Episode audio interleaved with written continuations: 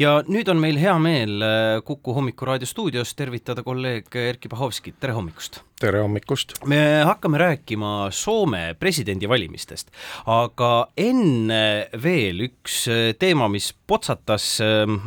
üks kümme-viisteist minutit tagasi minu äh, kirjakasti, ehk Äh, äh, male endine või male suurmeister Garri Kasparov ja tema siis MTÜ, mille inglisekeelne pealkiri on Renew Democracy Initiative, saadab äh, regulaarselt uudiskirju ja, ja seekordne uudiskiri räägib Wagneri grupist ja, sellest, kui palju Wagneri grupp Aafrikas on aastast kaks tuhat kakskümmend kaks ehk siis sellest nii-öelda suuremahulise sõja algusest kokku ajanud seda verekulla raha. Erki, oska oskad, kui, kui ma ütlen sulle nii-öelda, oskad sa pakkuda, mis see, mis see summa või suurusjärk umbes võiks olla? ma arvan, et seda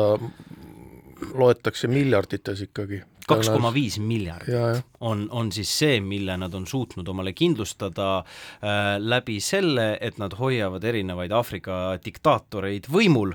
saavad selle eest äh, kulda ja siis noh, sisuliselt pesevad seda raha üle maailma, nii kui see jaksavad. siin on äh, mõnda skeemi ka kirjeldatud, muuhulgas siis, kuidas äh, lennukid deklareeritakse, et noh, tegemist on humanitaarabiga ja ja väheväärtusliku kaubaga ja nii edasi, nii edasi. Ja tegelikult on lastid siis kulda täis. nii et, ähm, et see, see on, on üks teema, millel kindlasti äh, tasub ja, ja kindlasti peatume tulevikus, aga täna äh, tahame rääkida hoopis Soome presidendivalimistest. kas, kas seekord on Soome presidendivalimised kuidagi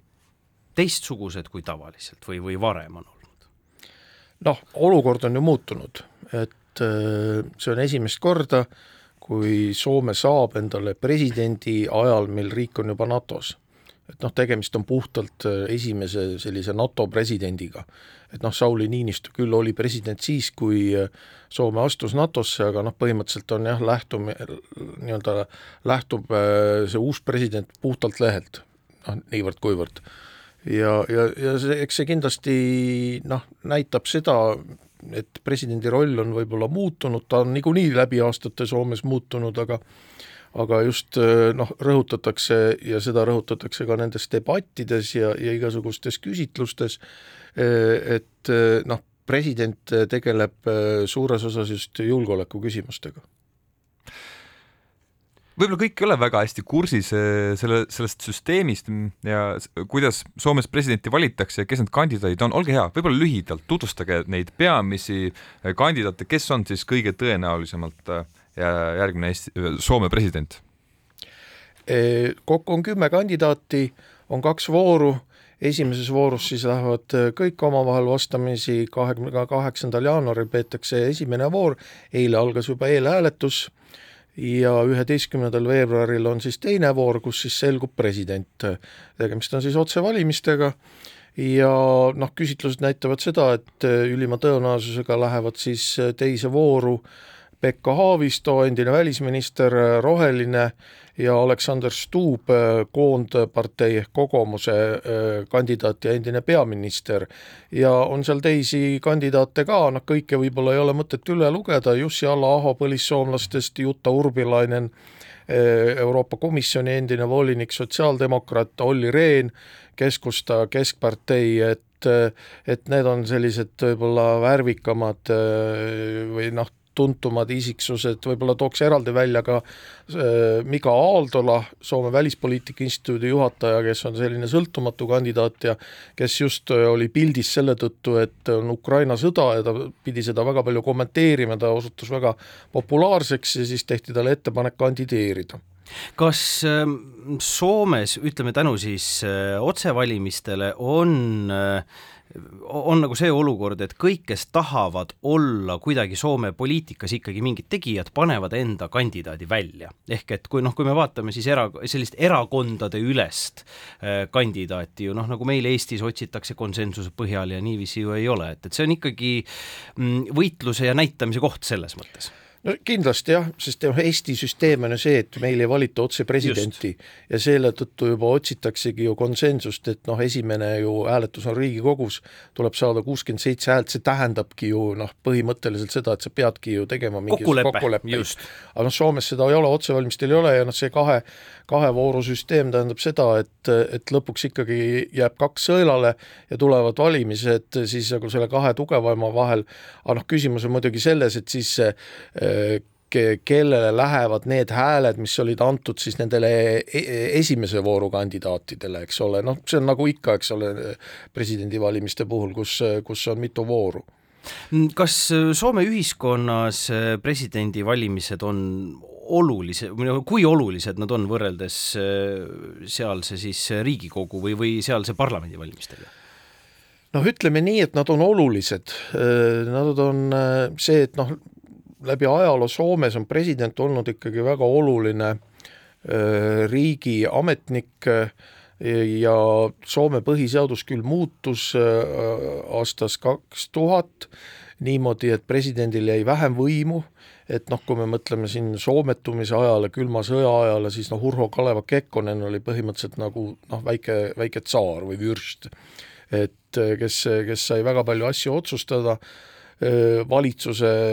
noh, tähtsus oli väiksem, aga noh, nüüd on muidugi see, et äh, valitsuse tähtsus on suurenenud,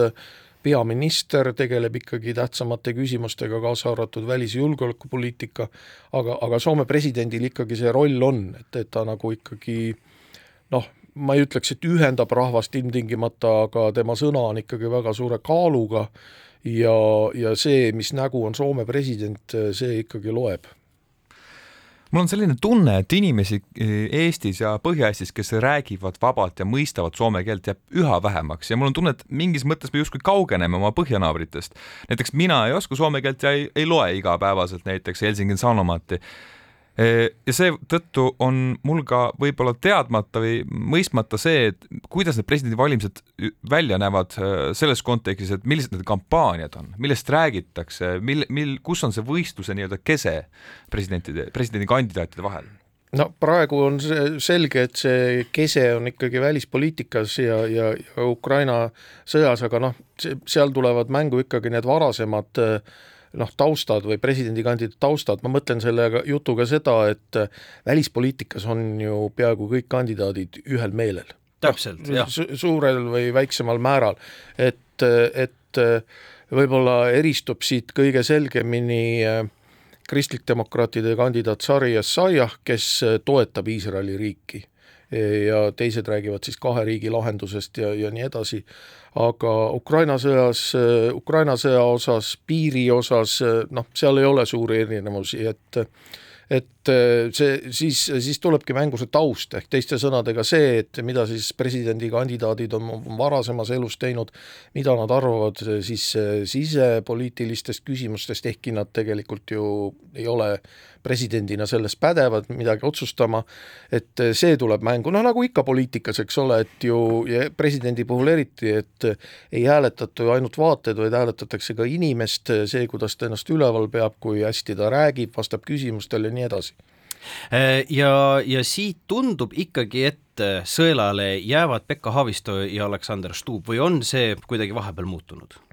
Noh, see on muutunud jälle nüanssidega, no ülima tõenäosusega jah, et siin on tegelikult Jussi Halla-aho äh, populaarsus on äh, olnud tõusuteel, noh, siin toovad vaatlejad välja selle, et sama juhtus ka Eduskunta valimistel, kus siis põlissoomlaste populaarsus kasvas kohe vahetult enne valimisi just, ja noh, Jussi Halla-aho täpselt samamoodi siis on äh, tõstnud oma reitinguid, aga need protsendipunktid on ikka praegu Haavisto kasuks, Tuub on esimesel kohal aga Haavisto kasuks ikkagi, et noh, tema need protsendid on ikkagi üle kahekümne ja alla Ahol on alla kahekümne ja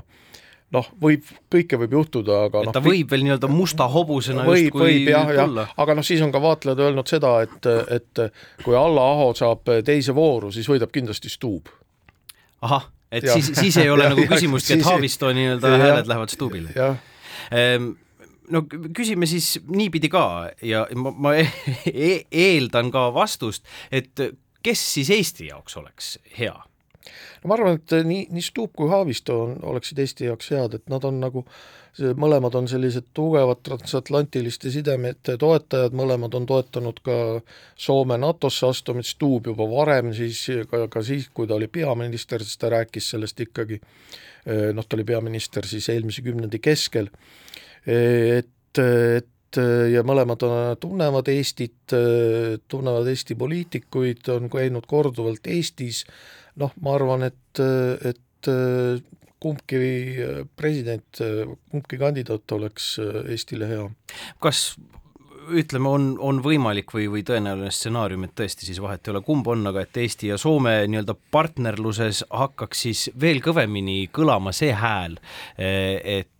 Venemaa külmutatud varasid näiteks kasutusele võtta, et kas noh, on siin nii-öelda sellise Baltikumi, Soome ja, ja ma ei tea, Põhjala koalitsiooni lootust või, või midagi muud niisugust? See on keeruline küsimus, ma arvan, et nende varade küsimuses noh, ei tohiks olla suuri erinevusi, aga, aga see sõltub ära, see sõltub ikkagi Euroopa Liidust, et, et et mida siis Euroopa Liidus otsustatakse, sest kui me hakkame siin nagu ükshaaval neid varasid külmutama, siis sellel ei ole nagu suurt mõtet. Noh, teine nii-öelda see koostööplatvorm on muidugi NATO ja, ja praegu ikkagi teeb selle asja keeruliseks asjaolu, et Rootsi ei ole veel NATO-sse jõudnud soomlased tahavad muidugi seda, nad tahavad rohkem koostööd Rootsiga, noh, olgem ausad, et äh, Eesti on oluline, aga Rootsi on olulisem läbi ajaloo olnud, üks ole. on väike vend, teine on suur vend. ja, ja, ja, ja Soome ootab pikisilmi, et Rootsi saaks NATO-sse, et see nii-öelda siis see NATO see Põhjamaa nagu dimensioon nagu või Põhjala dimensioon siis tugevneks ja, ja saaks nagu tervikuks. et äh, soomlastel on praegu ebamugav tunne, et nad peavad asju ajama Eestiga, Eesti on ju neile kõige lähem NATO riik, noh Norraga on ka piir, aga aga Eesti on ikkagi noh, selles mõttes ta on strateegiliselt võib-olla ka tähtsamas kohas ja nii edasi, et